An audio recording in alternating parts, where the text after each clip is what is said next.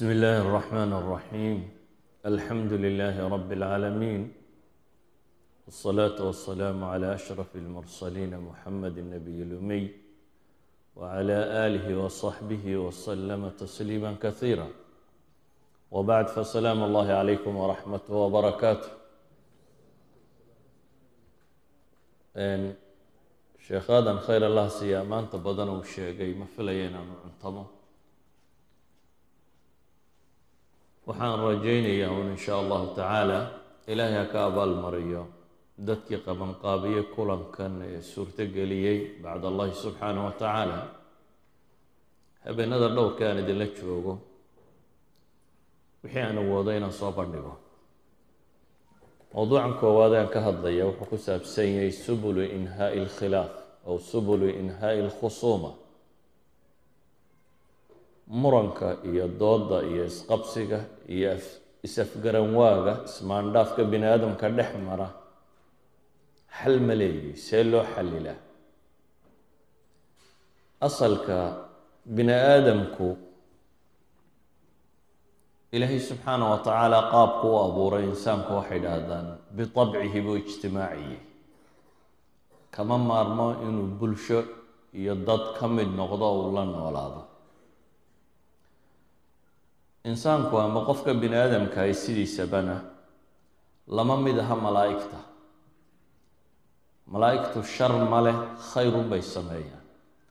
Insaanka laakiin nasacadka alla uu ku abuuray khayrka iyo sharkaba wuu weecan karaa. Dabaayicdiisaa kala gedisan aqoontiisaa kala gedisan masaalixdiisa iyo danuhu leeyahy baa kala gedisan waxyaabo badan baa waxay kalifaan inuu murmo ama isqabto ama iska hor yimaado. Hadduu afraad yahay hadduu jamaacaad iyo kooxa yahay hadduu dowlado yahay waxaa dhacda bini aadamka in marar badan muran u dhex maro iyadoo ay leeyihiin aslu linsaan alukhuwa watacaayush baa asal ka ah laakiin dabcigiisa iyo masaalixdu ilaashanayo iyo makaasibta maadiga ama macnawiga ee uu raadcadeeda ku jiro baa waxay keentaa in bini aadamku in badan murmo ama iska hor yimaado ama isqabto. Waxay isweydiinta leh markaas sidee loo xallilaa inta badan bini aadamku wuxuu ku kala gedisan yahay mushkilaadka sida loo xalilo.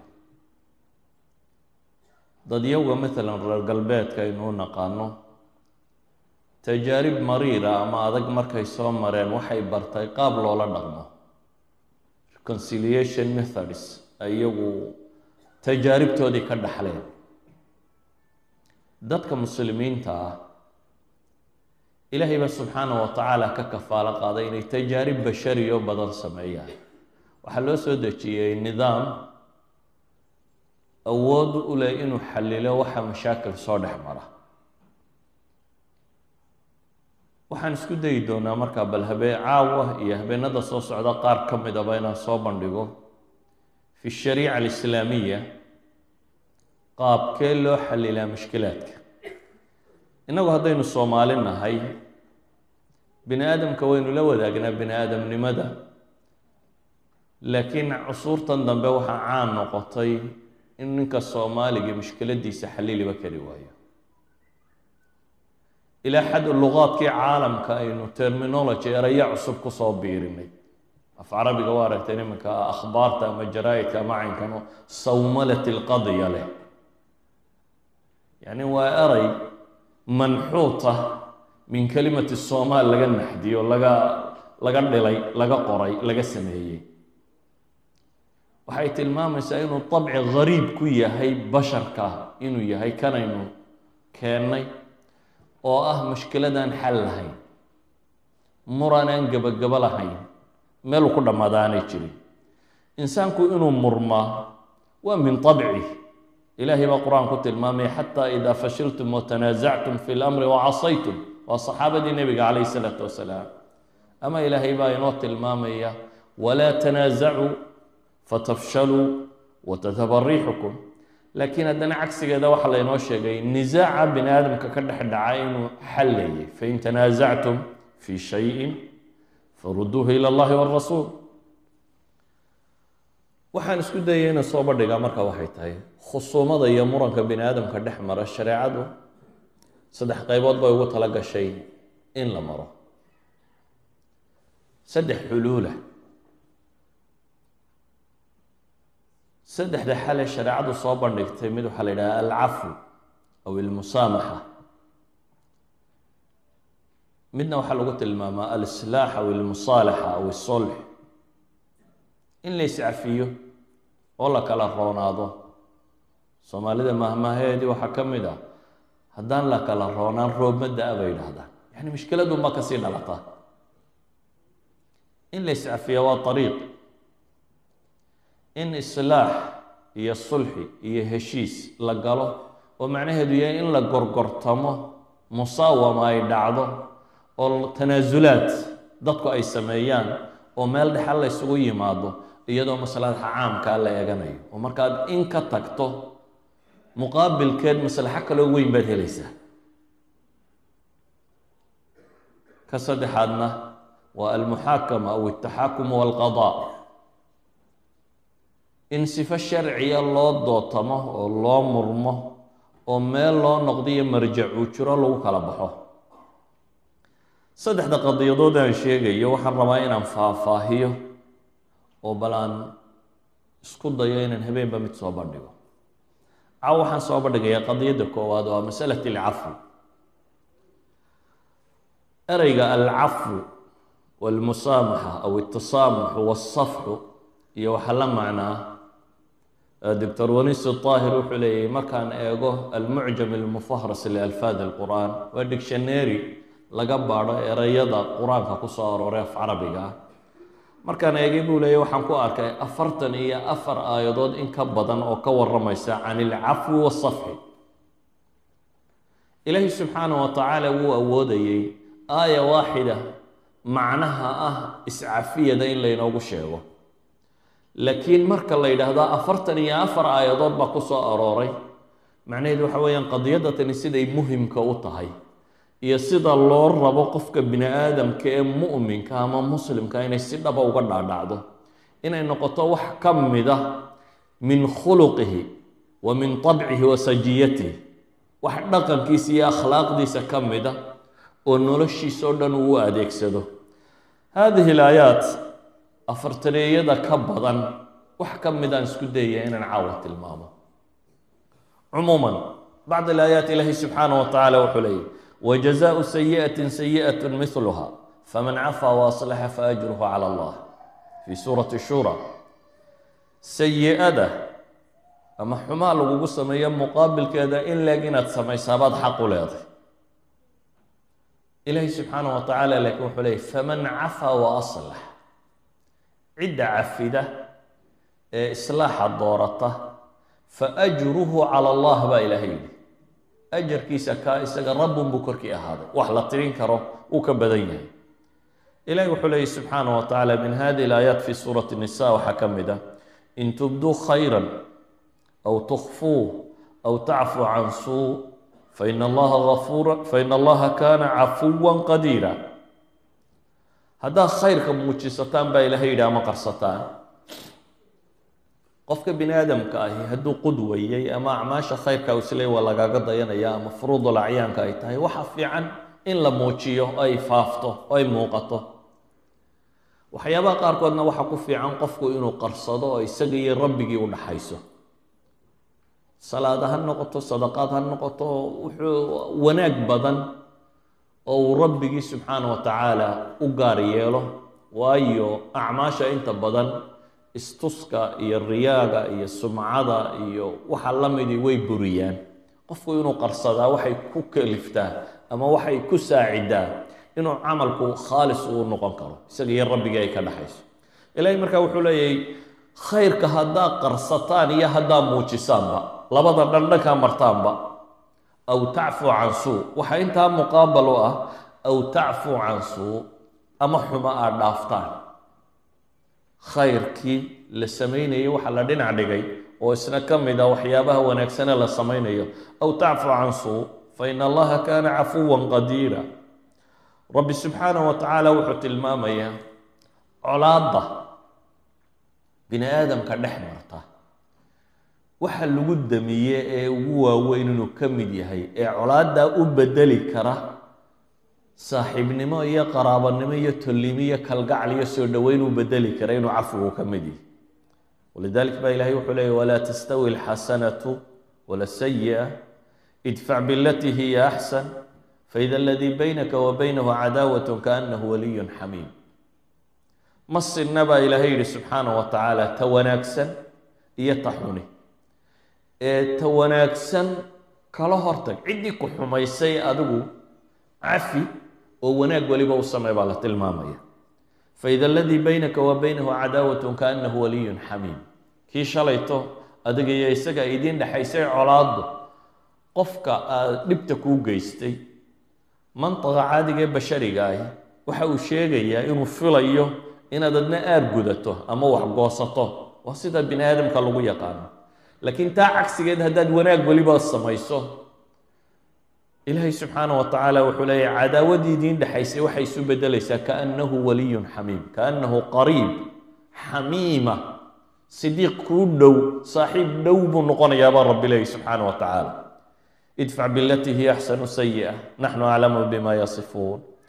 Aayaadka iyo kuwa la midka ah fii suurati shura ilaahay markuu mu'minka sifaynayo sifaatku ku sheegay waxaa ka mid a waladiina idaa asaabahum lbagyu hum yantasiruun wajazaau sayi'atin sayi'at miluha aayaadka ka dambeeya ilahi wuxuu le walaman sabara wagafara ina dalika la min casmi lumuur nebiguna calayhi salaatu wasalaam sunnada saxiixa ah waxaa kaga soo arooray fii saxiixi muslim iyo imaam tirmidi ba ay soo saarayaan xadiidku nebigu dhaaranaya ee ashyaa dhowra ku dhaartay maxalu shaahidkun baan u tegayaa waxaa ka mid ah nebigu wuxuu uhi wamaa zaada allahu cabda bicafwin ilaa ciza wuxuu nebigu ku dhaaranaya calayhi salaatu wasalaam qof mu'mina oo addoon ilaahaya cafwi uu cid cafiyaa uma kordhiso mooyaane cizi iyo sharafti. Haddaba in qofku wax cafiyi karo arrin fudud maaha. Bini aadamka wuu ku culus yihi waayo min طabci linsaan khilqada bini aadamka sida ilaahay u abuuray waxaa ka mid a inuu jecel yahay alintiqaam walintisaar.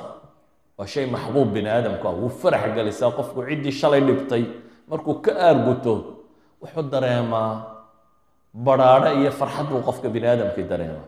Idan min طabci linsaan waxaa ka mid a alintisaar walintiqaamu linafs ayaa ka mid a hadduu qofku markaa abuurkaasi abuurkiisa ka mid a hadduu ka kor maro oo ka xoog noqdo oo wax cafiyi karo cidda wax cafidaa bay yidhahdaan aslan hum laqwiyaa waa dadka nafsiyan xoogga ah ee ka kor maray xuduudu nafs. Dheefta yaree bini aadamku uu jecelya ka kor maray. Walidalik baa ilaahay subxaanah wa tacaala wuxuu ku tilmaamayaa la min casmi lumuur inay ka mid tahay. Waxaynu u baahanay marka bini aadamku nadariyaadka iyo theoryga ashyaada macnawiga ee la sharxo si fiican ugama dhaadhacdo haddii aanu tusaalayaal rasmiya helin oo nolosha ka mid a waxaan isku dayayaa aayaadka badan ee qur'aanka ku soo arooray ama axaadiista badan ku soo arooray masaladan ka warramaysa inaan inaha ku joojiyo laakiin nusuusta tamhiilka sheegaysa inaan badiyo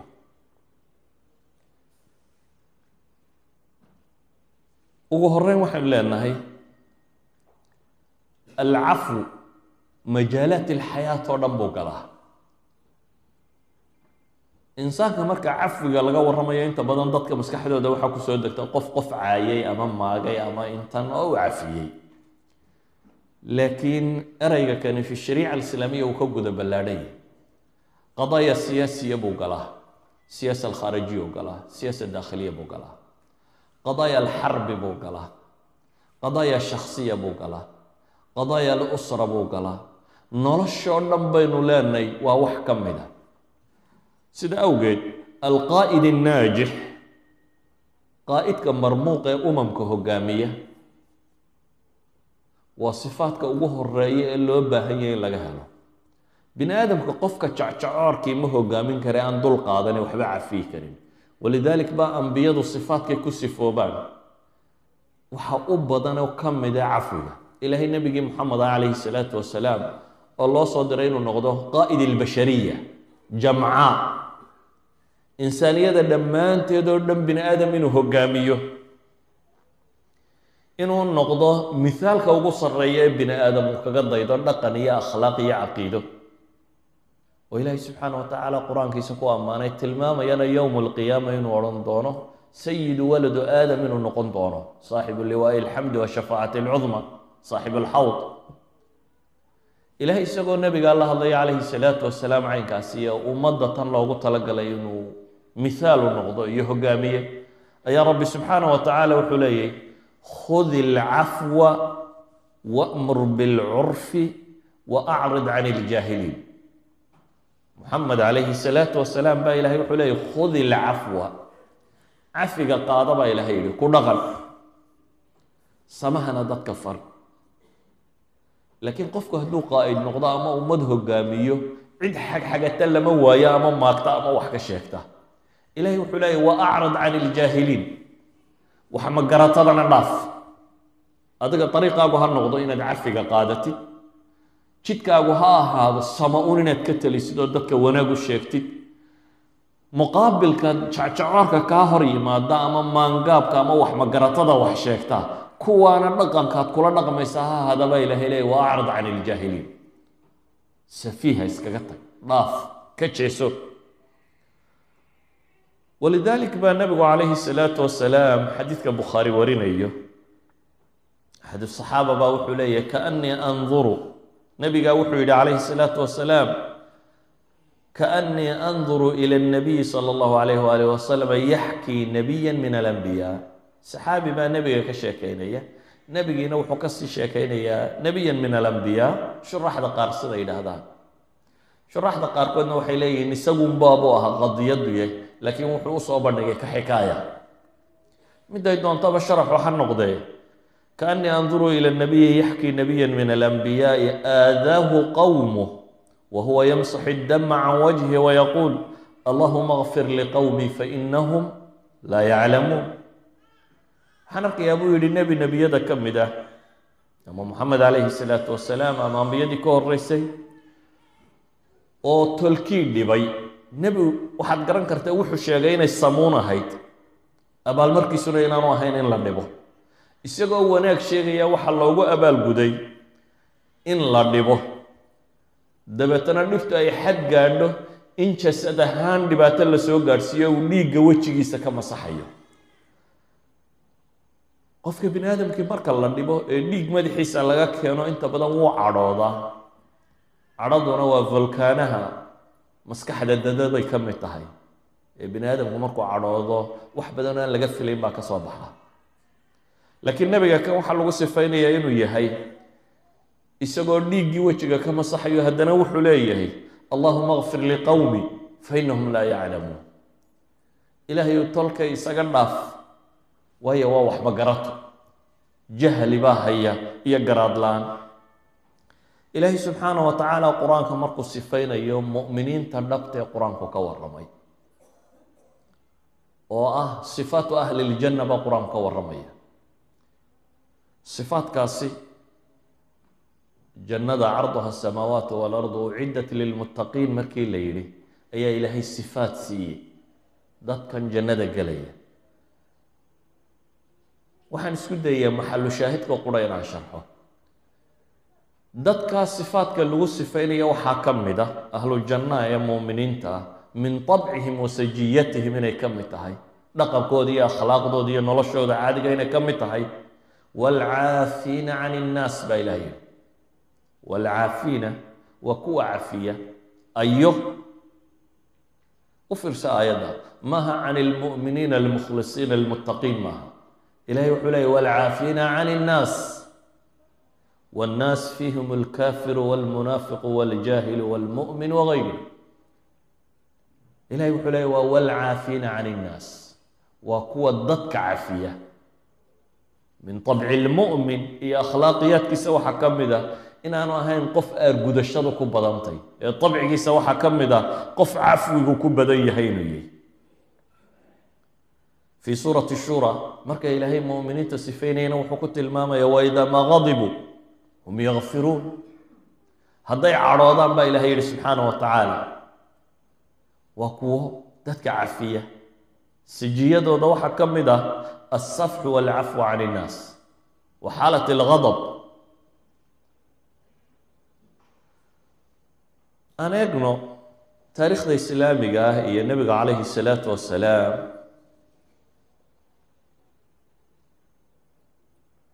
qadaaya siyaasa alumma siduu ugala dhaqmay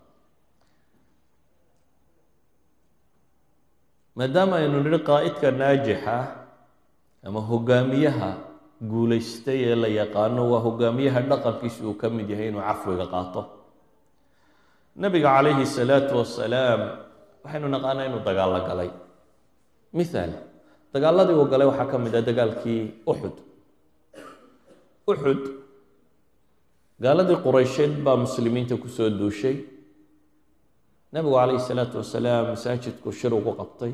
Wuxuu weydiiyey maxaynu yeelnaa miyaynu u baxnaa? Mise waynu joognaa dagaalkii hore beder dhalinyaro badan oo muslimiin aan ka qeyb gelinayo dadkii xamaasadu haysay waxay idhahdeen aan baxno. Maxaynu gaalada halka ugu sugaynaa. Xagga hore aan isku aragno. Waa la soo baxay.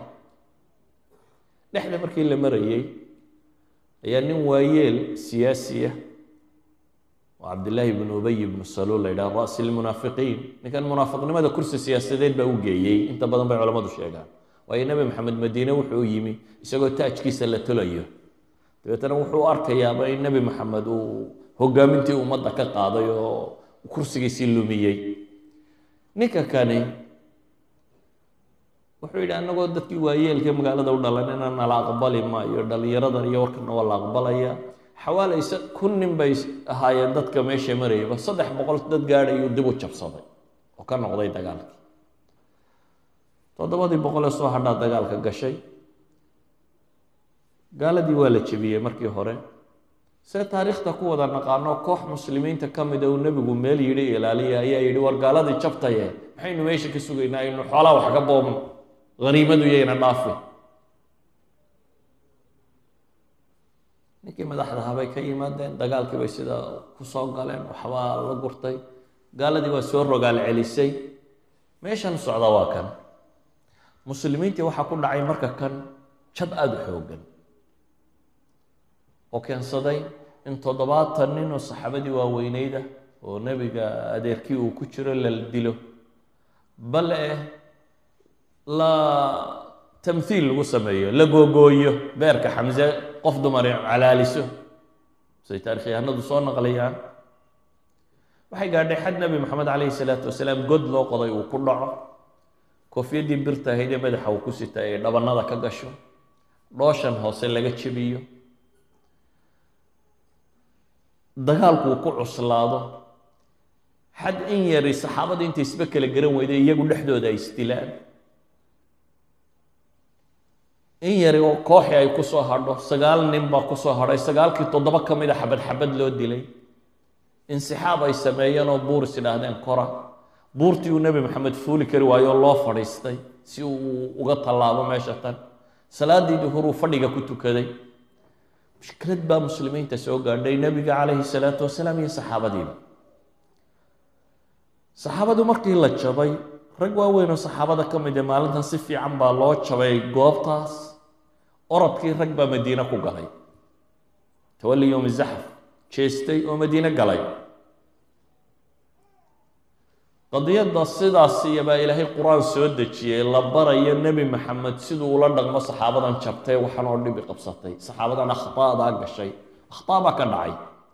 Ilaahay baa le minkum man yuriidu dunya wa minkum man yuriidu alaakhira laakiin nebiga sidee la yidhi ula dhaqan? Ilahay wuxuu leeyahy subxaanah wa tacaala fi suurati ali cimraan aayaadka ku jira fabima raxmati min allahi linta lahum walow kunta fadan galiida alqalbi lanfaduu min xawlik فاعف عنهم واستغفر لهم وشاورهم في الأمر فإذا عزمت فتوكل على الله إلهي سبحانه وتعالى وحليه فبما رحمة من الله لنت لهم إلهي نحريس حقي سكتمي درادت سببتت ayaad ugu dabacdo ugu jilicsanaatay baa ilaahay leeyahay saxaabada tan ilahay baa qalbigaaga naxariis geliyey baa la leeyahy haddaad ahaan lahayd baa ilaahay leeyahay ku engegan oo qalbi adag. Faddan khaliida alqalb ku dabeecad qallafsan oo qalbi adag aan naxariistaba aqoon haddaad ahaan lahayd. Lanfaduu min xawlik baa ilahay yidhi way kaa yaaci lahayd walow xaqana sheege. Xaqa bini aadamku kuma raaco inuu xaq yahay oo qura ee marar badan buu wuxuu u baahdaa ciddan xaqa sheegaysa inay noqoto. Cid bashar hogaamin karta oo wadi karta. Hadduu wadaadku jacjacoor noqdo dabeecad qallafsan walow xaqana ha sheegee waa laga waa adagtay inuu yeesho. Atbaac iyo cid wax ka barata iyo cid la joogta. Ilahay markaasi wuxuu leeyay subxaana wa tacaala nabigiisii moxameda calayh salaatu wasalaam haddaad qalqallafsanaan lahayd oo dabeecad adkaan lahayd dadku wuu kaa yaaci lahaa. Ee maxay yeel baa la leeyahy marka? Wadciga caynkaa u ekaaya sida ay u jabeen ee dhibtaasi soo gaadhaa ilaahay wuxuu yihi facfu canhum cafi saxaabada tan wastakfir lahum ilaahayna dembi dhaaf u weydii wixii khatae ay galeen ilaahay dembi dhaaf u weydii washaawirhum fi lamri baa ilaahay yidhi arrinkana wax ka sii talada dadka barh baa waxay u haystaan talada in yaroo saalixiin uun intay iyagoo afkaysa saartay inay leeyihiin maya talada ummaddaa leh in wax laga siiyaabay xaq u leedahay ilaahay wuxuu ku leeyahy nebi moxamed calayhi salaatu wasalaam isagoo nebiya oo rasuulah oo dadka ilaahay ka doortay oo u caqli badan ayaa waxaa la leeyahy oo waxyi ku soo degayo oo ilaahay hagayo. Ayaa ilaahay wuxuu leeyahy talada dadka wax ka siiya cafi oo ilaahay dembi dhaaf u weydii oo taladana wax ka sii baa ilahay yihi subxaana wa tacaala. Nebi moxamed calayhi salaatu wasalaam kaas buu kula dhaqmay. Iyadoo la jabay bay waxay noqotay inay haddana dadka kane uu dib u hogaamin karo oo dhibaatadii soo gaadhay ay ka soo kaban karaan. Siyaasaddu nebigu kula dhaqmay calayhi salaatu wasalaam kaasi waa siyaasa daakhiliya nebigu calayhi salaatu wasalaam fi siyaasa alkhaarijiya nafsi shay buu kula dhaqma. Aan laba qadiya iyana ka tilmaamo. Nebigu calayhi salaatu wasalaam maka reer maki way dhegaysan waayeen dhagahanay ka furaysteen waa la dhibay. Waxay soo gaadhay ciddii uun garab u ahayd galyo muslimba cidday doonaan ha ahaadaane ama abi aalib ha noqdo? Ama khadiijo ha noqoto? Ama inay dhinteen? Saxaabadii in ka midina hijrootay ama ka baxday wadanada wuxuu isku dayey nebigu calayhi salaatu wasalaam dacwo inuu fidiyo bal reer maka waa kuwan oo adkaade eh. Madiina thaaniya haqiif inuu tago reer bani haqiif daa'if inuu tago oo dacwo ka sheego. Reer daa'ifna waxay kala hor yimaadeen saynu taariikhda ku hayno dhagaaday kii horeba ka daran. Waa la soo shiiday dumar iyo carruur baa lagu diray. Dhiig baa madaxiisa laga keenay. Gomadaha cagaha dhiiggu ka da'ay nebiga calayhi salaatu wasalaam. Xadiidka saxiixa ku qorane wuxuu tilmaamayaa inuu nebigu leeyahay ifaaqa mahmuumka siduu ahaayo u warwarayay. Maan baraarugin ama maan toosin wuxuu maans arkay buu leeyahy anigoo qarnu thacaalib maraya. Intuu intaa soconayay kaana aanu humuumka iyo dhibtii haysatay meel uu u socdiyo meel uu marayaba garanaynin qarnu thacaalib anigoo marayun baan is arkay buu nebigu leeyahy calayhi salaatu wasalaam. Xaaladda caynkaasiyo isagoo ku jira oo nafsiyan sidaa cidhiidhi u dareemay ayaa ilaahay min cinda malag u soo diray. Malag baa la soo diray. Xadiiska saxiixeynka ku jira bukhaari iyo muslim wuxuu sheegaya malag baa u yimi oo yihi ya muxamed ina allaha qad samica qowla qowmik wa ana malaku ljibaal ilaahay wuu maqlay warkii tolkaa waxay kaala hor yimaadeen. Aniguna waxaan ahay boqorka buuraha u xil saaran. Rabbi baana ii kaa soo diray waxaana la ii soo diray lita'muranii bima shi't fama shi't maanta waxaad doonto inaad i amarto ee maxaad rabtaa? Haddaad rabto buu leeya in shita adbaqtu calayhim ilakhshabayn labada buurood ee maka hararaa ku yaalla kor intaan u qaadaan dusha ka saaraya reer maka maxaad fili lahay qofkeena caadiga ahi ee intuu dad xaqu sheegay ay dileen oo kuwo kale u tegay ay soo dileen oo ilaahay u gargaaro la yidhaahdo buuraa dushama laga saara dhulka ilaahu la goobaad odhan lahayd bay u badantay. Waaba ka soo hadhin laakiin nebi moxamed calayhi salaatu wasalaam qalbuhu awsac min dalik wuxuu leeyahay faqaala bal arju an yukhrij allahu min aslaabihim man yacbud allaha waxdahu laa yushriku bihi shaya man yacbud allaha waxdah may buu leeyahay waxaan rajaynaya xataa kuwani hadday dhaga adeygeen ilaahay dhabarkooda ka soo saaro qaar ilaahay keligii caabuda waan cidna ugu shiriig yeelin ilaahay subxaana wa tacaala uu ka soo saaro diintaynu maanta haysanno dadkiina soo gaadhsiiya kuwaasay ahaayeen qurayshta iyo ansaartaasi muhaajiriin iyo ansaar ah oo dadkaas ka mid ahaa ayay ahaayeen. Waxaynu garan karnaa nebigu calayhi salaatu wasalaam fii tacaamulihi maca alxuruub dagaaladu la galay dadka kale iyo siduu la dhaqmay. Kani waa isagoo keliya bal aan eegno isagoo ciidamo wata. Nebi moxamed calayhi salaatu wasalaam saddex iyo toban sano ayaa maka lagu dhibayay isagoo madaxiisa geela cascasa la dul saaray oo baxsiyuu ka baxay maka dhowr iyo toban maalmood buu dhexda ku sii jiray. akhiiran wuxuu tegey maxay? Madiina. Madiine qurayshi kuma dayna dagaal bay ka dabageysay lix sannadood oo kale ay weerar ku hayeen haddana. oo beder iyo uxud iyo khandaq iyo wixii la midi dhaceen waxay u diideen inuu xaramka u soo cimraysto. Sagaal iyo toban sannadood markay marayso ayay aqbaleen inay heshiis la galaan. Laakiin haddana heshiisku markuu laba sano quro jiray ayay buriyeen. Sanadkii koob iyo labaatanaad ayay haddana heshiiskii buriyeen.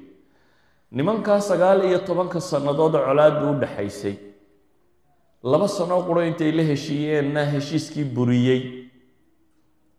Ayuu nebigu ciidan soo qaaday ciddii isaga heshiiska ku raacdayna dagaalada ku qaaday. Ayuu nebigu markaa soo duulay. Isagoo siddeed kun ilaa toban kun ciidan u dhexeeya watuu maka soo galay. Xoog buu qeybo ka mida maka ku qabsaday. Maka markuu soo galay qurayshi waa isu tag tagtay waxaa la yidhaha alla hadalna nebigaa loo yimi calayh isalaatu wasalaam maxaa filaysaan buu yidhi marka?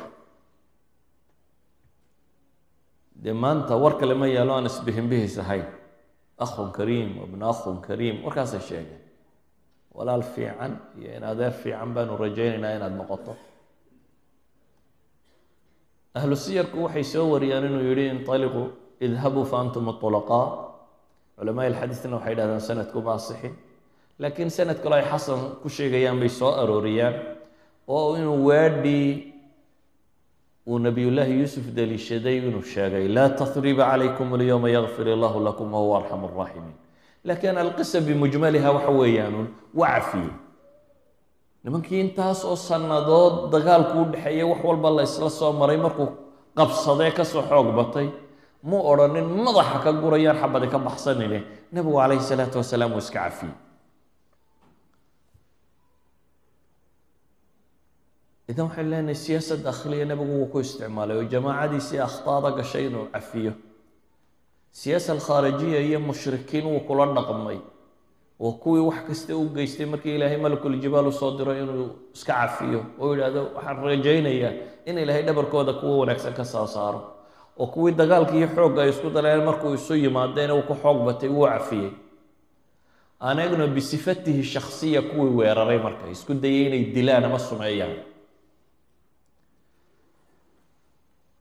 xadiidka bukhaari nabigu calayhi salaatu wasalaam isagoo dagaal ka soo noqday ayay meel dooxa ah laba buurood dhexdooda ayaa ciidankii muslimiintu degeen dhir baa la kala hoos harharsaday geed weyn oo meesha ku yaallaa nebiga loo baneeyey waxaa la yihi geedkaa nebigu ha harhsada inana meelayna kala harhsano nabigu calayhi salaatu wasalaam geedkiibuu iska harhsaday seeftii uu sitayna laan buu sudhay geedka ka mid a dabeetana uu iska seexday muddaa dagaalka laga soo socday waa la daalanaa habeen baa la guureeyey subxii baa la socday iyadoo la daalanyaa meesha la jiifsaday. Gaaladii nin ka mid unbaaba iska soo dhex maray ciidankii. Nebi maxamed oo geed hoos jifa buu isa soo dul taagay. Seeftii nebi maxamed buu la soo baxay calayhi salaatu wasalaam. Dabeetana galku ka saaray.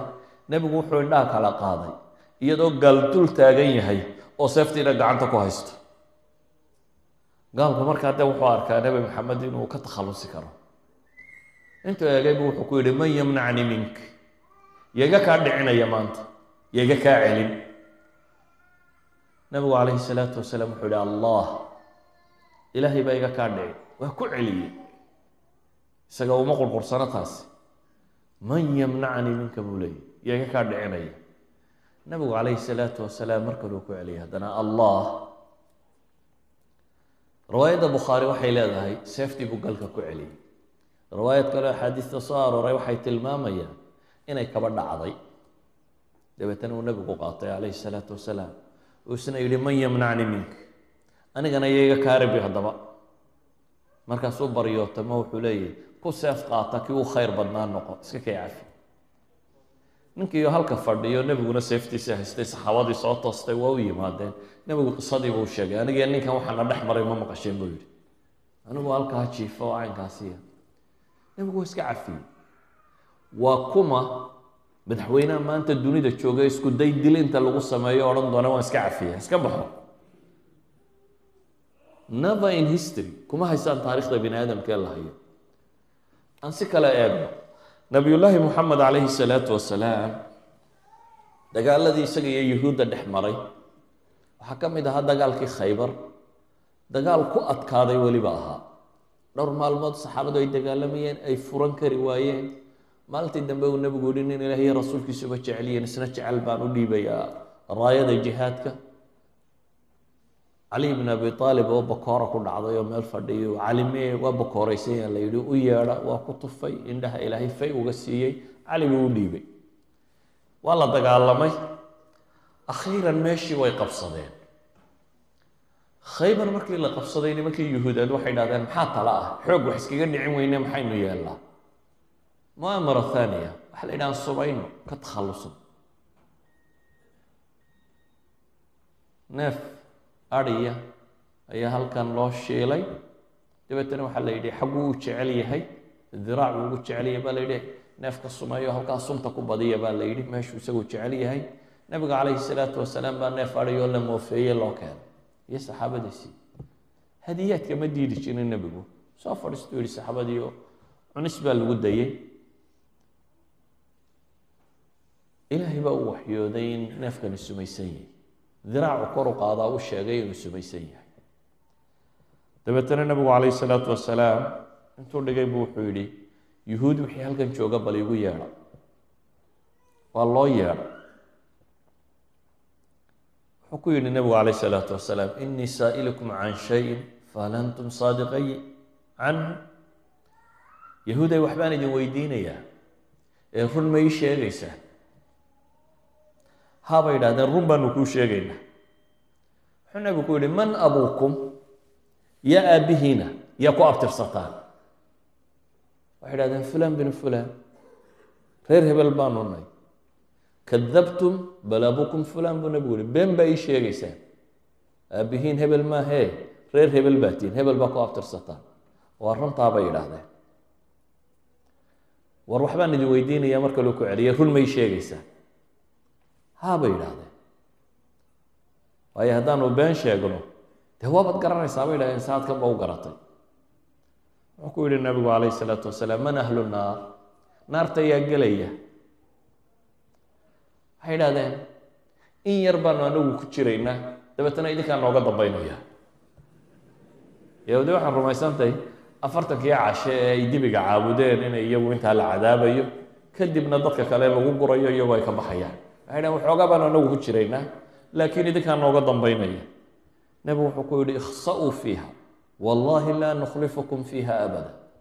Ku hooge e ilaahay baan ku dhaartay inaanan weligiin idinka dambaynin naartuu ku yidhi. War waxbaan idin weydiinaya run ma ii sheegaysaan bay idhahdeen nacam ya abalqaasim baa la yidhi. Run baanu kuu sheegaynaa baa la yidhi.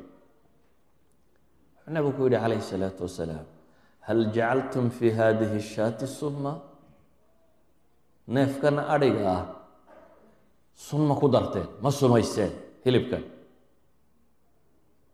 marka kan warku uu ku cadiyey waxay sameeyaan oo kala garan maayaan qaaluu nacam bay idhahdeen waa sumayna qabqabtoo laaya nebigu ma odhan wuxuu yihi famaa xamalakum calaa hada maa xamalakum calaa dalik maxaa idinku xambaaray maxaa idinku kalifay inaad sida tan yeeshaan waa yuhuud waa niman intelligenta meel kale isku dayan inay ka baxaan waxay idhaahdeen waxaanu rabnay. Dee haddaad beenaalo tahayna inaad na dhaafto. Haddii aad nebi tahayna dee waa lagu waxyoonaya waad iska badbaadi doontaa. Saasay nala ahayd bay idhahdeen waxaanu rabnay. Haddaad beenaalo tahayna inaad na dhaafto. Haddii dee aad nebi tahayna waa waa in kunta nabiyan lam yadurak nabigu calayhi salaatu wasalaam waxba kuma waa iska cafiyey walidalik baa imaam albukhaariyi wuxuu baab uga dhigay baabu idaa gadara almushrikuuna bilmuslimiin hal yucfaa canhum gaaladu hadday muslimiinta khiyaamayso ma la cafinayaa buu baab uga dhigay. Dabeetana xadiidkan buu keenay isagoo tilmaamaya inuu nebi moxamed cafiyey calayhi salaatu wasalaam. Bale qaacidada caamka ah ee qadaayaadka nebiga ku gaarka u taalay waxay ahayd anas ibnu malik. Xadiidkii bukhaariye uu sheegayay man taqama rasuulu llahi sala allahu alayh waalih wasalam linafsihi qad nebi moxamed wax isaga gaarkiisa loo yeelay abidkii kama aargudanin. Wuxuu doonaba ha noqdo. Nebi moxamed calayhi salaatu wasalaam nolosha wax bini aadam lagu sameeyo dhib oo aan la dhibini ma jirto. Wamaca dalik waa in la sumeeyaa la isku dayey in xoog lagu dilaa lagu dayey in dhagax lagu dilaa lagu dayey wax kasta waa lagu dayey haddana man taqama linafsihi qad. Qaacidadiisu waxay ahayd buu leeyay khaadimkii tobanka sannadood u shaqaynaya anas ibnu malik nebi moxamed calayhi salaatu wasalaam abidkii ma aargudanin dabcigiisaba kama mid ahayn. Waa kuma ra'iiska ama boqorka maanta dunida jooga inta la sumeeyo odhanaya khalluuh sii daayo odhanaya. Nebi moxamed calayhi salaatu wasalaam laa khiyaano cudmaa buu ku qaaday walaa waxbuu ku qaaday oo iska cafiyey waxay leenahay bini aadamka. Colaadaha dhex mara maxaa ugu dhib badanee ka dhici kara? Waa dil soo maaha. Wax dil ka weyni miyuu bini aadam ku dhacda dil baa ugu badan. Dilka baa ilaahay wuxuu leeyahy subxaana wa tacaala fi baabi dimaa faman cufiya lahu min akhiihi shayun faاtibaacu bilmacruufi waadaaءun ilayhi biixsaan dalika takfiifu min rabbikum waraxma ilahay wuxuu leeyay faman cufiya lahu min akhiihi shay. Ciddii laga dhaafo min akhiihi iyadoo dil dhacay baa qur'aanku wuxuu tilmaamaya walaalnimadii islaamiga ahayd weli inaanay go-in in dadku iyagoo isdilay oo dhibi dhex martay haddana alkhuwa alcaama fi lislaam inaanay weli dhammaanin. Markaase waxaa la yidhi ninka walaalkii wax ka mida laga cafiyo dilka fi shariica waxaynu naqaanaa qofka dil geysta qisaas baa lagu leeyay ama qawad baa lagu leeyay macnaheed waxay tahay in la soo qabto oo la keeno kaysku hadduu ku caddaado ciddii weliyu damka ahayd ee dhiigga lahayd waxaa u bannaan inay yidhahdaan ha la dilo naloo dilo qofkan waxaa u bannaan inay dilka ka cafiyaan oo ay mag qaataan bale waxaa u bannaan bay culimmada qaar leeyiin inay siiba daayaan walaa mag walaa waxba toona aanay qaadan inuu toos u cafiyo. Idan wixii ugu adkaaya bini aadam dhex mara waa dil. Dilla ilaahay wuxuu leeyahy qofkii walaalkii wax ka mida laga cafiyo. Maxaa jira? Faatibaacun bilmacruuf ay facala alcaafi kii wax cafiye waxaa korkiisa ah. Itibaacun bilmacruuf inuu magtiisa iyo wixii uu qaadanayo sama uu ku weydiisto kii wax laga cafiyeyna adaa-un ilayhi biixsaan baa isna korkiisa ah inuu si wanaagsan magtaysa ka bixiyay iyo wixii kale laga rabay. Dalika takfiifu min rabbikum waraxma baa ilahay yidhi. Kaasi waa takfiifu min rabbikum waraxma waa fudaydin alla idin fudaydiyey subxaanah wa tacaala. Waxa dilka ka hooseeya ee dhaawacyada ah ee isagana qisaastu ka jirto il il loo rido ama gacan gacan loo gooyo ama dheg ama san ilaahay wuxuu leeyahy wakatabna calayhim fiiha ana alnafsa biاlnafsi walcayna bilcayni walanfa bilanfi waluduna biludun wasinna bisinni waljuruuxa qisaas faman tasadaqa bihi fahuwa kafaarat lah baa ilahay faman tasadaq nafta naf baa loo gooyaa isha il baa loo ridaa sanka san baa loo jaraa dhegta dheg baa loo gooyaa iliga ilig baa loo ridaa wixii juruuxee nabari waa qisaas. Faman tasadaq baa ilahay? Yidhi qofka sadaqadaysta yacni bian cafaa can iljaani qofka cafiya qofkii jaaniga ahaa ee ama aqbala inuu diyo mag qaato juruuxaad iyo ishii inaanu odhan ishii ha layga ridee magteedu inuu qaato amaba cafiyey fa huwa kafaaratun lahu baa ilaha yihi subxaana wa tacaala idan ayuha alikhwa nolosha dhibta bini aadamka soo martaa noocay doontaba ha noqotee cafigu wuu galaa sida awgeed ba anas ibnu malik xadiidka abu daawuud iyo nasaa-i iyo ibnu maajaba warinayaan. Sheekh alalbanina saxiixa ku tilmaamay wuxuu nabigu leeyay calayhi salaatu wasalaam. Anas ibnu malik baa wuxuu yihi maa ra'aytu nabiya sala allahu rufica ilayhi shayun fiihi qisaas ilaa amara fiihi bilcaf maan arag buu yihi nebiga calayhi salaatu wasalaam oo loo keenay shay qisaasi ka sugan tahay ilaa iyo wuxuu yihi warbar horta iscafiya nebigu wuu celiyey inay iscafin karaan buu ku dayay yacni wuxuu anas ibnu malik rabaa inuu inoo sharxo inay qaacida caamatay cafigu ayuha alikhwa waa dadka kibaarta ahi waxay samayn karaan innaga waxaa laga yaaba dhaqankeenna ninnimada inaynu u naqaano marka far lagugu taago inaad shanta ku taagto. Waa nin rag oo wax iska dhiciya baa la ydhahda ama cafisku nooc min adullinimo ama liidashanimo ama tamaryari ayuu dhaqanka soomaaliga ka yahay. Walidalika ayuha alikhwa haddaad dib ugu noqoto taariikhda islaamiga maalan saxaabadii. Saxaabada waxaa ka mid ahaa nin la odhan jiray qays ibnu caasim ilminqariy reer bani tamiima qays ibnu caasim xadiidka xasan ligayrihi adab ilmufradka ku soo arooray sheekh alalbani waa ninku ku tilmaamay inuu nebigu yihi calayhi salaatu wasalaam hada sayidu ahli lwabar reer baadiyaha waa odaygooda qays ibnu caasim wuxuu ahaa nin waayeelah oo saxaabiya oo xoolo badan oo halkuu dego aan lala degin bay yidhahdaan xoolihiisa tirobadnidooda daraaddeed dooxaduu dego dadka kale ma degaan ninkan xoolo badnidu qabo. Waa ninkii nebiga weydiinaya calayhi salaatu wasalaam intuu u yimaado xoola maxaa u fiican?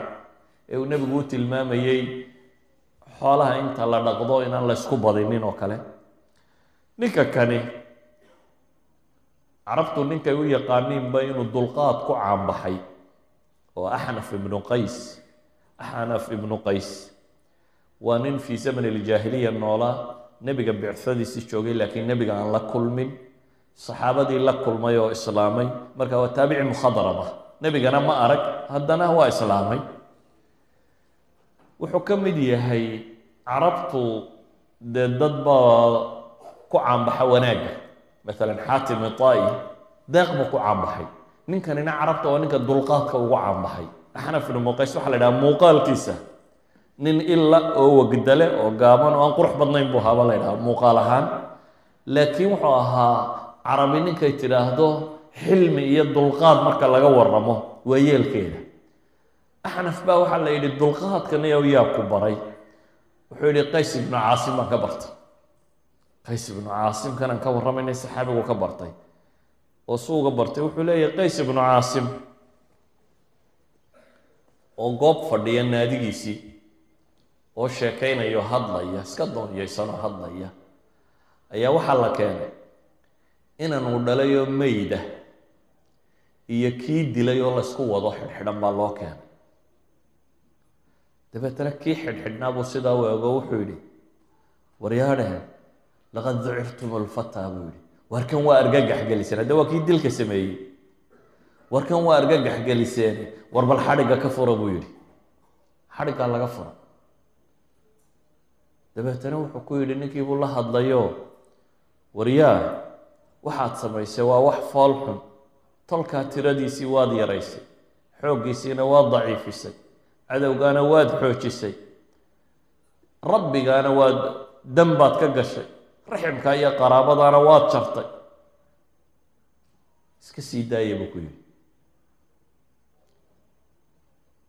Meydkii inankiisii baa isku waday. Waxaa kan inanuu dhalay oo kaleo meesha taagan bu wuxuu ku yihi dhegayso meydkanna soo tajiise maydha oo diyaariya marka xabaasha lagu ridayo salaada lagu tukanayo iisoo sheeg islaantii inankan dhashayna reeraha kama mid aha buu yihi oo waa naxaysaaye. Geela halkaa jooga diyadii ka siiya. Waxay dhahdaan mowqicii shirka isagoo siduu u fadhiyay aan bedelin oo weli warramaya oo aan kicin oo qadiyadaniba argagax gelin ayuu wuxuu faray kanna in la sii daayo wax dilay kan la dilayna in la diyaariyo meydkiisa hooyadiina inankeedii baa la dilay in mag la siiyo. Meydkan marka la diyaariyana in loo yeedho dabeetana warkiisiibuu watay. Axnaf ibnu qays wuxuu leeyahy maantaa markaan arkay qays ibnu caasim siduu yeelayay maantaas baan dulqaadka bartay buu yidhi. Waxaan u jeednaa wixii badheedhka ahaa waa kaa ama hadduu khata isagu u dhacaba isnaan xadiidka bukhaari idiin tilmaamo ghaswat uxud markay dhacday wakhtiyadii muslimiintu ay iskala garan weyday isdilaysay markii calankoodii raayadii ay eeganayeen mascab ibnu cumayr la dilay jabkii uu ku bilaabmay ayay isba kala garan waayeen dabeetana muslimiinta dhexdooda isdishay xudayfata bnulyamaan ayaa wuxuu arkay aabbihii xudayfe iyo aabbihii ghaswatu beder markii lagu jiray baybay madiine yimaadeen. Marka dad macruuf oo aada loo garanaya maaha. Xudayfa wuxuu arkay aabbihii oo saxaabo kale seef ku boobayso. Dabeetana wuu istaagay isagoo leh abi abi abi war waa aabbahay waa aabbahay isagoo leh buu istaagay xudayfa. Cidi uma jeesan oo dagaalku uu socdaa dadku waaba dhiban yahe odaygii seeftaa lagu boobay kow baa lagaga siiyey xudayfa wuxuu isa soo dul taagay aabbihii oo naftu ka baxdo kow lagaga siiyey. Ragga dilayna ay saxaabo yihiin. Wuu eego wuxuu ku yidhi markaasi gafara allahu lakum buu yidhi. Ilaahay dembigiina ha dhaafo buu yidhi iska taag xadiidka bukhaari wuxuu tilmaamayaa maantaa kadib khayr kama suulin xudayfa suu dadkaasi isaga cafiyey yacni aabbihii uu arkayo hortiisa lagu dilayo uu leeya war waa aabbahaya ka daaya ayuu ka gaari kari waayey markii la dilayna kuwii dilay wuxuu u arkay inay khata ku dileen. Dabeetana iyagiibuu u ducaynaya wuxuu leeya ilaahay dembigiina ha dhaafo. Haddii qadaayaadka dilkii kuwaa yihiin qadaayaadka ka sokeeya maxaad u malaynaysaa markaa? Iyanaan laba qiso qur'aanku inoo tilmaamay tilmaamo. Qur'aanku wuxuu ka waramayaa fii suurati yuusuf nebi yuusuf iyo walaaladii wixii dhex maray nebi yuusuf oo inan yara ayay walaaladii ximiyeen. Dabeetana way qaadeen inay dilaan iyo inay god ku ridaan bay kala doorteen. God bay ku rideen. Ilmo yaroo carruuroo god lagu riday. Safar baa soo maray way qaateen. Waa addoonsadeen waa iibiyeen. Addoonnimuu ku dhacay haddana. Awal god buu ku jiray godkii markuu baxayna addoonnimuu galay. Waa la addoonsaday gabadhii casiizu masr boqorku uu qabay baa hunguraysay waa diiday. Hala xidha baa la yidhi. Kani qoyskaabuu ceebaynayaa haddana jeel buu galay. Xabsigii buu toban sano ku dhowaad ku jiray. Ilaahay baa ka soo daayey. Madax buu noqday. Nebi yuusuf nolol aada u kala durugsan buu maray markaa. Nolol isagoo yar aabbihii laga kaxeeyo iyo reerkoodii iyo god lagu rido oo la addoonsado oo jeel uu galo waxaasoo dhan markuu ka soo baxay ayuu haddana madax noqday. Isagoo wasiira oo madaxa ayaa walaaladiisii godka ku riday u yimaadeen. Wuu wanaajiyey waxba uma sheeganna.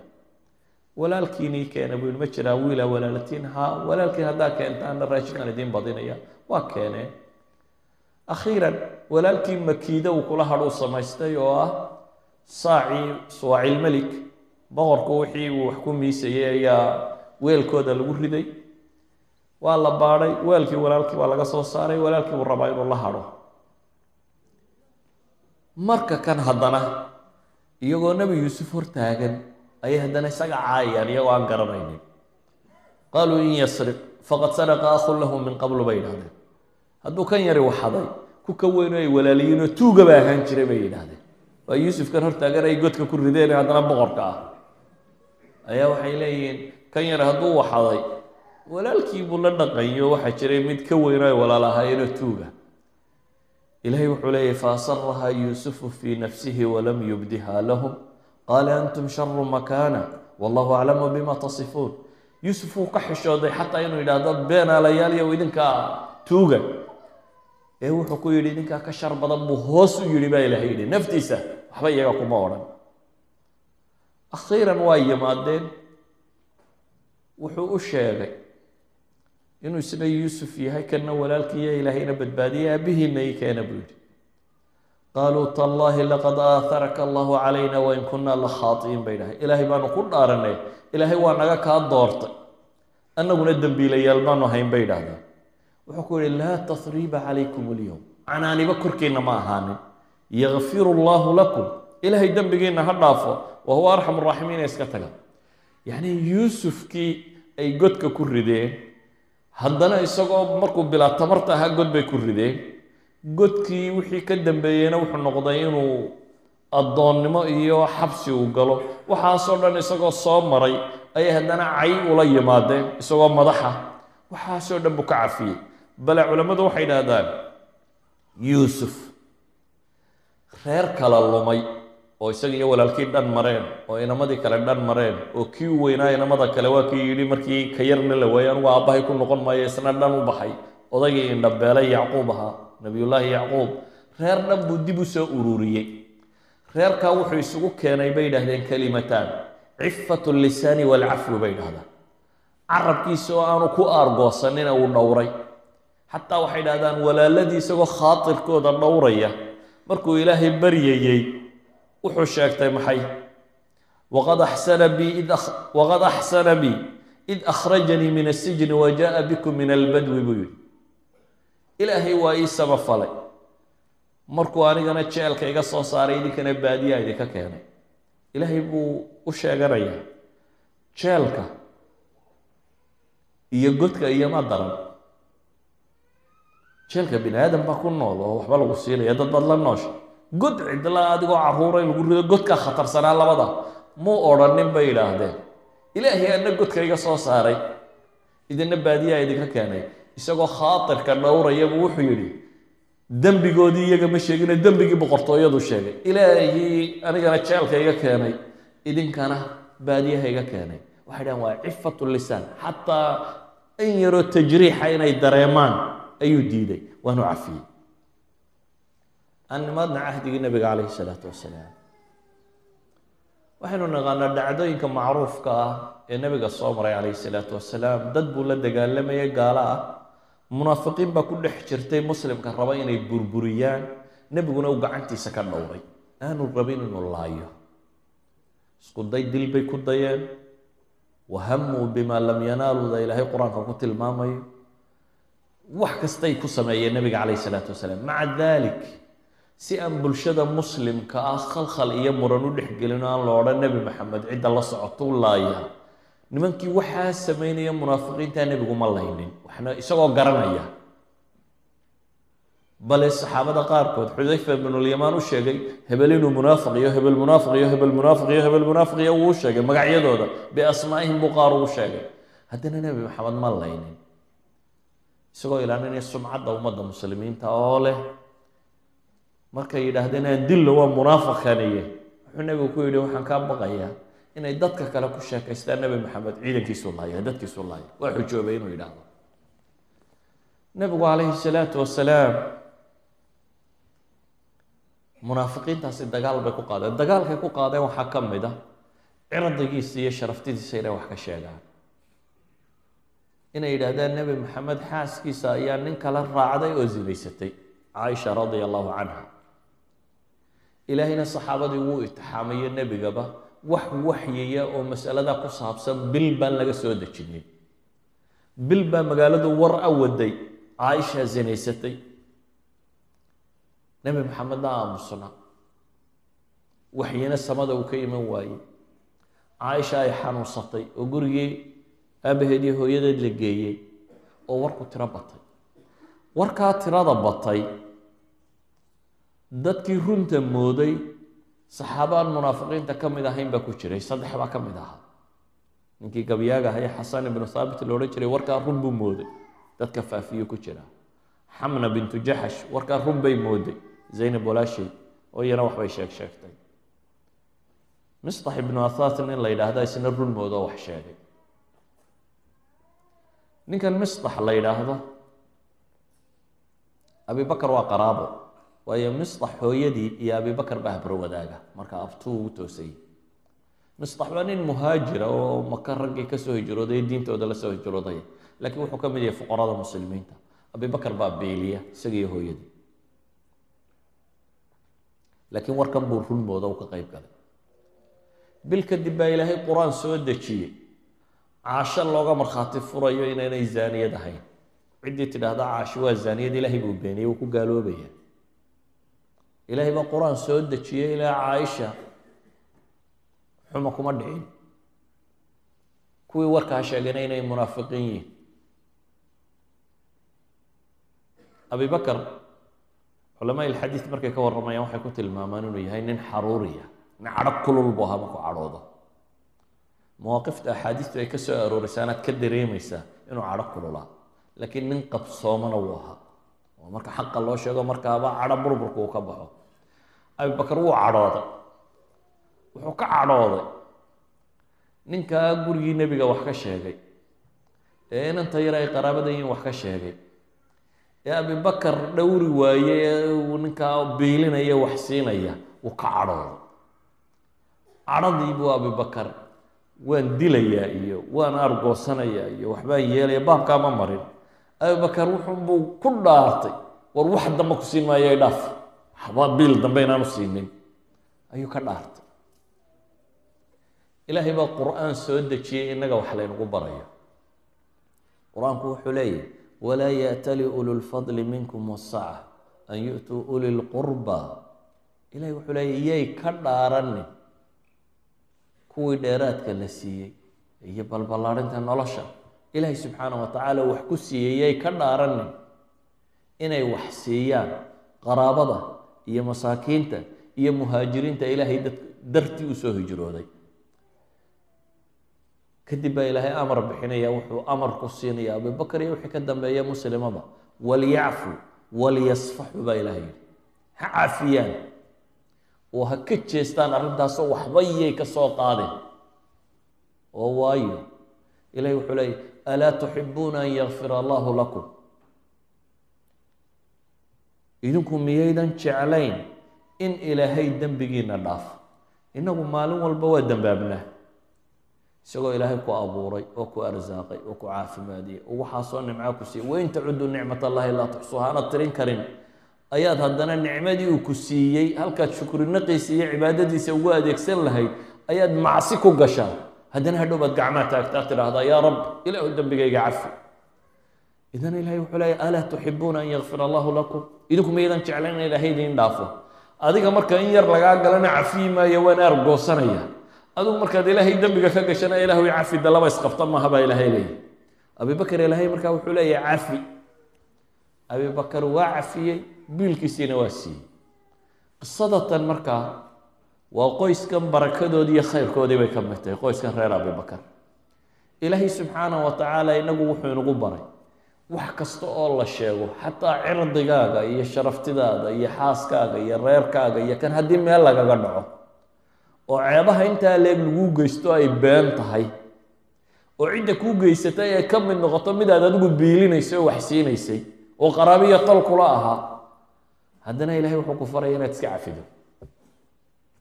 Isagoo qaraabo iyo tolba kula ahayo aada biilinayso qof kaa fog oo shisheeyo oo coltihin hadduu ku maagmaago waxaad odhanaysaa waa wax iska caadiya laakiin qofka kugu xiga hadduu ku maagmaago.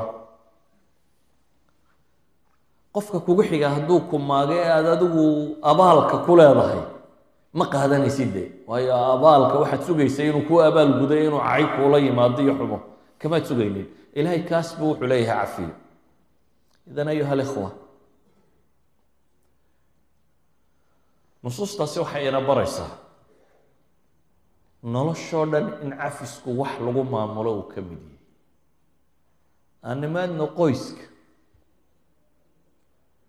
Qoysku waa unuga bulshada ee ugu yar alusra. Bulshadu waa usar isu tegay qoysku waa unuga ugu yar.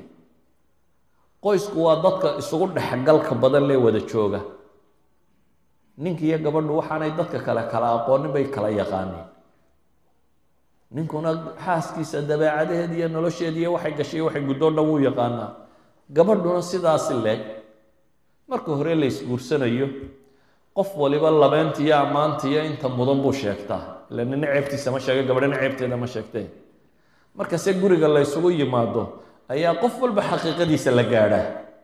Qof waliba wuxuu yahay uu muuqdaa carruur baa timaada gurigu mushkilaad badan buu yeeshaa waa meel aad maalin kasta dhibaatadiisu iyo mushkiladiisu ay iman karto.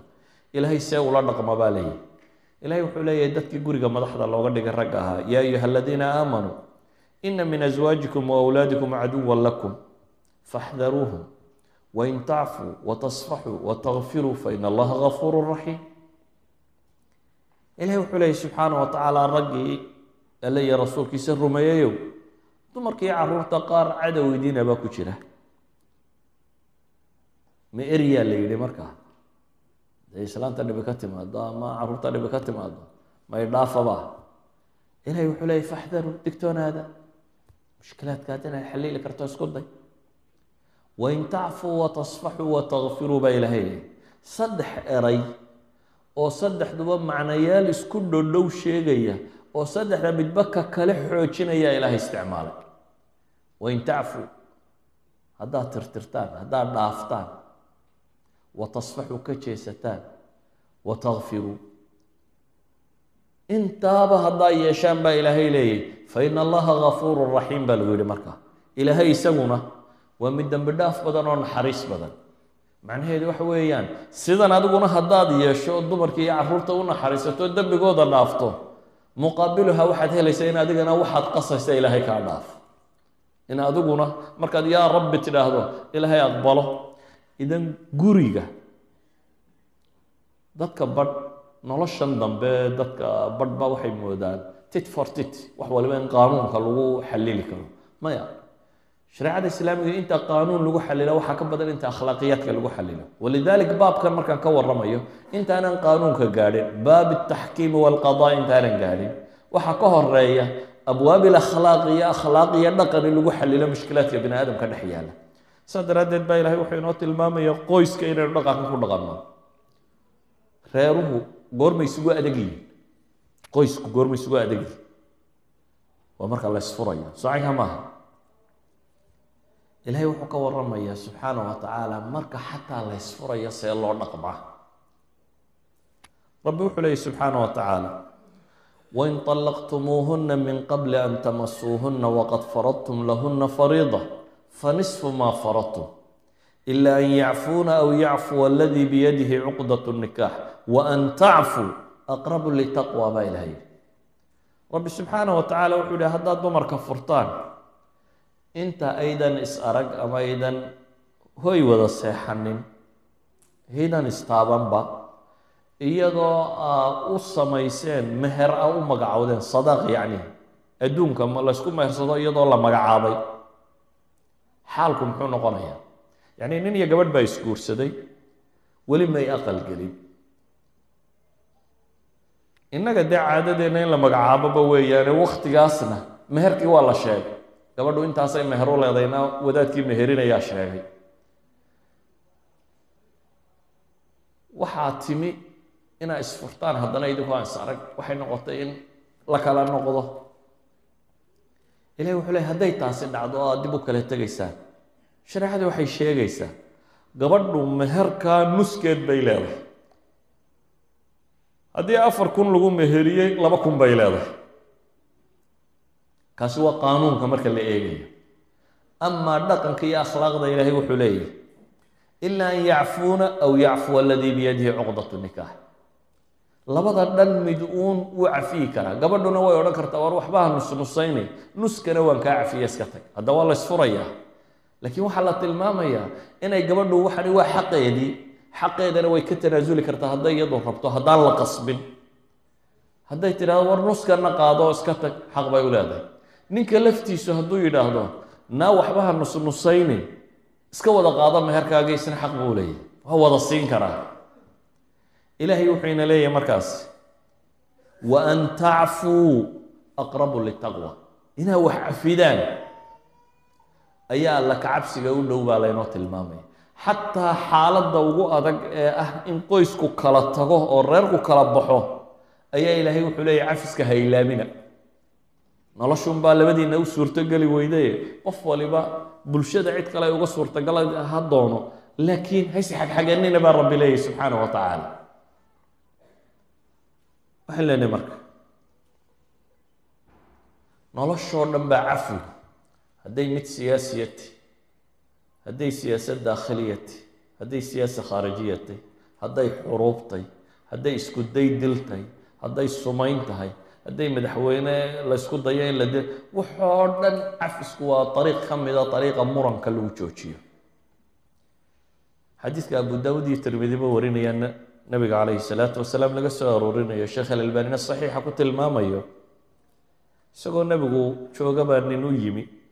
Markaasu wuxu uhi yaa rasuul allahi kam nacfu cani alkhaadim ilaahay rasuulkiisiiyow khaadimka shaqaalaha imise goor baanu cafinaa. Nebigu wuu iska aamusay calayhi salaatu wasalaam. Ninkiiba hadalka ku celiyey haddana. Ilaahay rasuulkiisiiyo imise goor baanu khaadimka shaqaalaha imise goor baanu cafinaa markaasuu nebigu haddana aamusay mar saddexaad buu ku celiye uu leeyahy shaqaalaha imise goor baanu cafinaa nebigu calayhi salaatu wasalaam markaas buu wuxuu ku yidhi cufuu canhu fi kulli yowmin sabciina mara buu nebigu yihi maalin kasta toddobaatan jeer cafi buu nebigu yihi calayhi salaatu wasalaam. Qofkii shaqaala ahaa ama shirkad ha kaaga shaqaynayo mudiiro ahaw ama guri ha ka shaqaynayo ama wuxuu doonay waa qof shaqaalaha shaqaalaha imisaanu cafinaa markay ku celceliyeen nebigu wuxuu ku yidhi toddobaatan jeer cafi. Ayuha alikhwa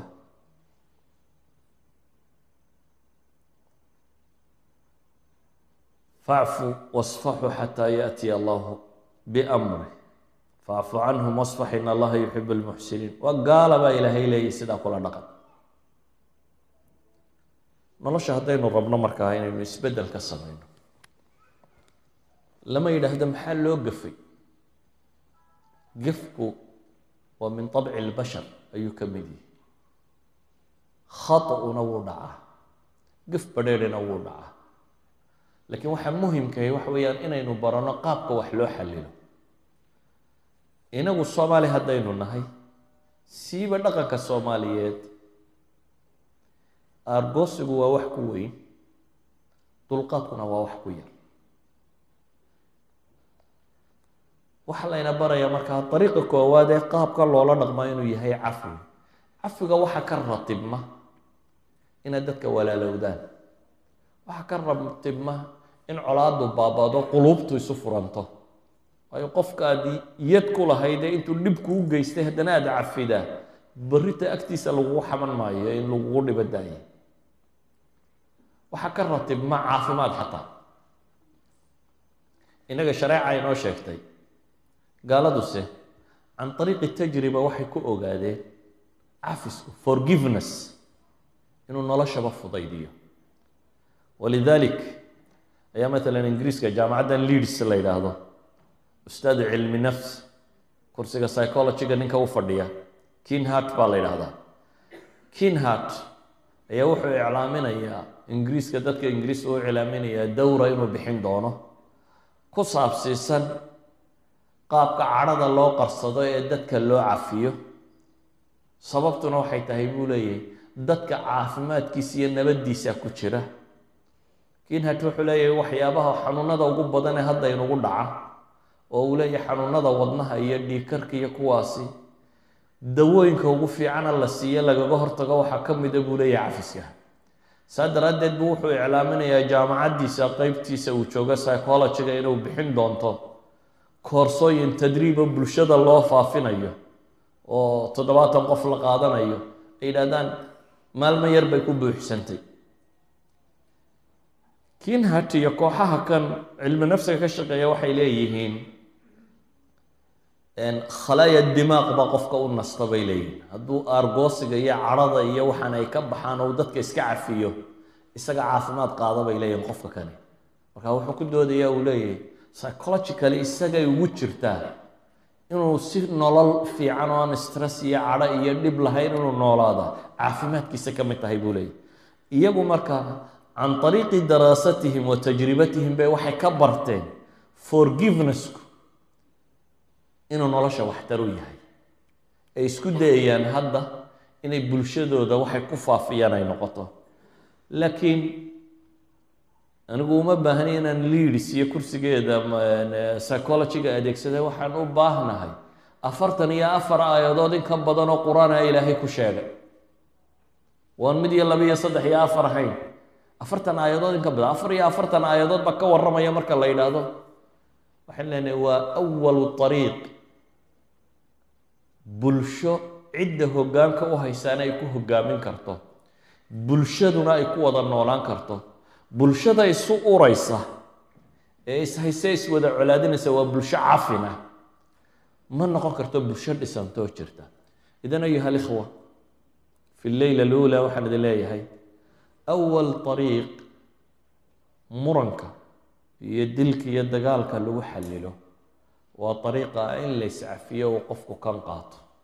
Wa ilaa ariiqa labadaan habeen dambe ka warramo. Sala allahu cala nabiyi muxamedi wcala alihi wasaxbi wasalam walxamdu lilahi rabbi alcaalamiin